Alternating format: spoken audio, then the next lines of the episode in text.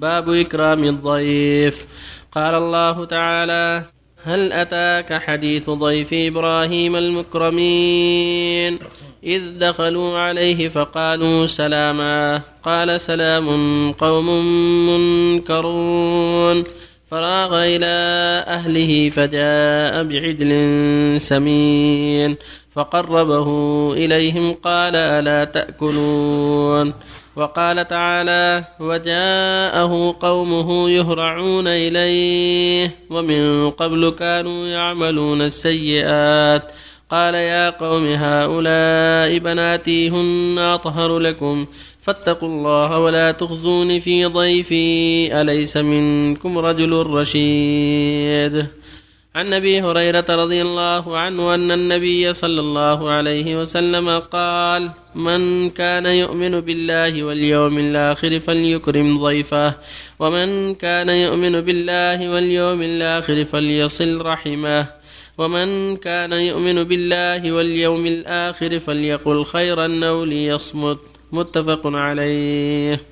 وعن أبي شريح خويلد بن عمرو الخزاعي رضي الله عنه قال سمعت رسول الله صلى الله عليه وسلم يقول من كان يؤمن بالله واليوم الآخر فليكرم ضيفه جائزته.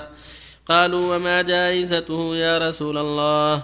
قال يومه وليلته والضيافة ثلاثة أيام فما كان وراء ذلك فهو صدقة عليه. متفق عليه. وفي رواية لمسلم لا يحل لمسلم أن يقيم عند أخيه حتى يؤثمه. قالوا يا رسول الله وكيف يؤثمه؟ قال يقيم عنده ولا شيء له يقريه به.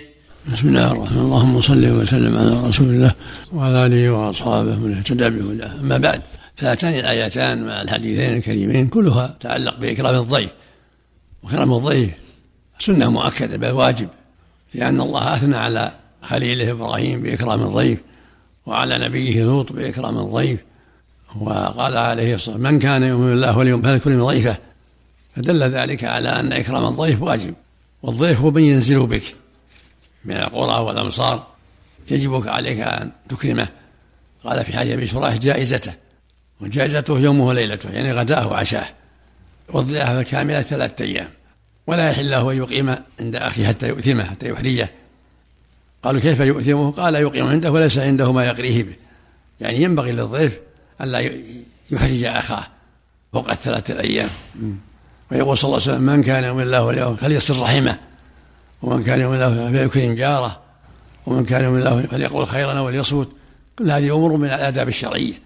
يجب على المؤمن إكرام الضيف وإكرام الجار وصلة الرحم وأن يحفظ لسانه إما خير وإما الصمت هذا هو الآداب الشرعي وهذا هو الواجب على كل مؤمن في حياته يتحرى إكرام ضيفه إذا نزل به وإكرام جاره وعدم إيذاء الجار ومع صلة الرحم وهم الأقارب مع حفظ لسانه. مما لا ينبغي إما أن يقول خيرا وإما أن يصمت. كما قال تعالى لا خير في كثير من نجواهم إلا من من أمر بصدقة أو معروف أو إصلاح بين الناس. فالمؤمن يتحرى في أقواله وأعماله ما يوافق الشرع ويحذر ما يخالف ذلك. وفق الله الجميع. الله إليك يا شيخ. ما هو الدليل على ستر يدين المرأة وقدميها في الصلاة؟ ما في إلا حديث المرأة عورة إطلاق الحديث وحديث قول عليه الصلاة والسلام في الحمد الآية الكريمة وإذا سألتمون متى مسهن من وراء الحجاب وأقرب ما احتج في هذا هو إطلاق المرأة عورة. والصواب الوجه تكشير الوجه فقط. أما اليدان إن كشفتهما فلا بأس وإن سترتهما فهو أفضل. وحديث أم سلمة في غطاء القدمين. أحسن عليكم يؤثمه يحرجه أم يدخله في الإثم؟ يوقع في الإثم يعني.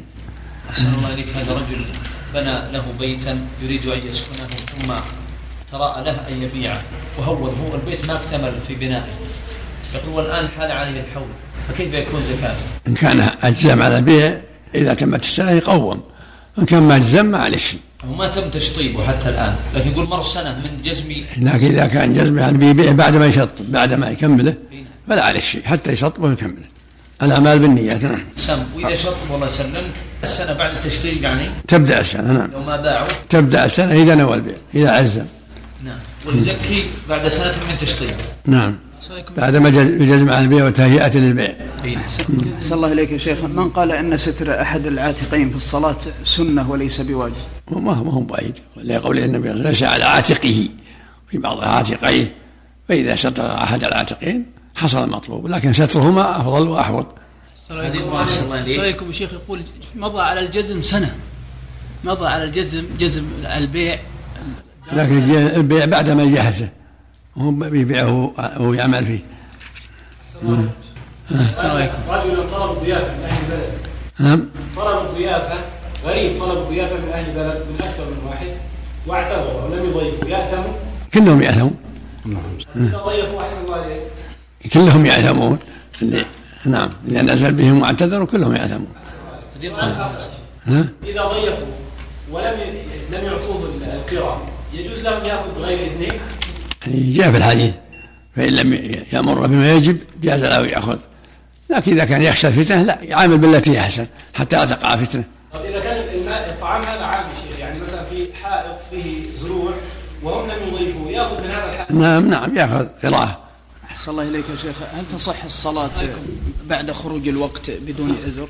ها؟ من أخر الصلاة بدون عذر حتى خرج وقت الصلاة هل تصح صلاته؟ على خلاف الجمهور تصح عندهم الصلاة ومن قال انه كفر عليه التوبة فقط. وإذا قضى احتياط حسن. إن شاء يا شيخ. هذه السائلة تقول آه، تبي تسلف مكياج لصديقتها. عندها مكياج في بيتها ما في بأس المكياج؟ لا إذا, لا. إذا كان ما ما يضر الوجه لا بأس. تبي تسلف مكياج إلى صديقتها علما بأن هذه ال- هذه البنت هي متبرجة. إذا كانت تعينها على المنكر ما يجوز. يعني ما يجوز. الله يقول ولا تعاونوا على الإثم والعدوان السلام عليكم هذه يا شيخ. الفتاوى فتاويكم في اللجنة الدائمة. إيه. في أن المياه المجاري أكرمك الله البلوعات إيه. البيارات. إذا إيه، إذا زال منها الريح والطعم واللون. واللون صارت طاهرة. أحسن الله عليكم.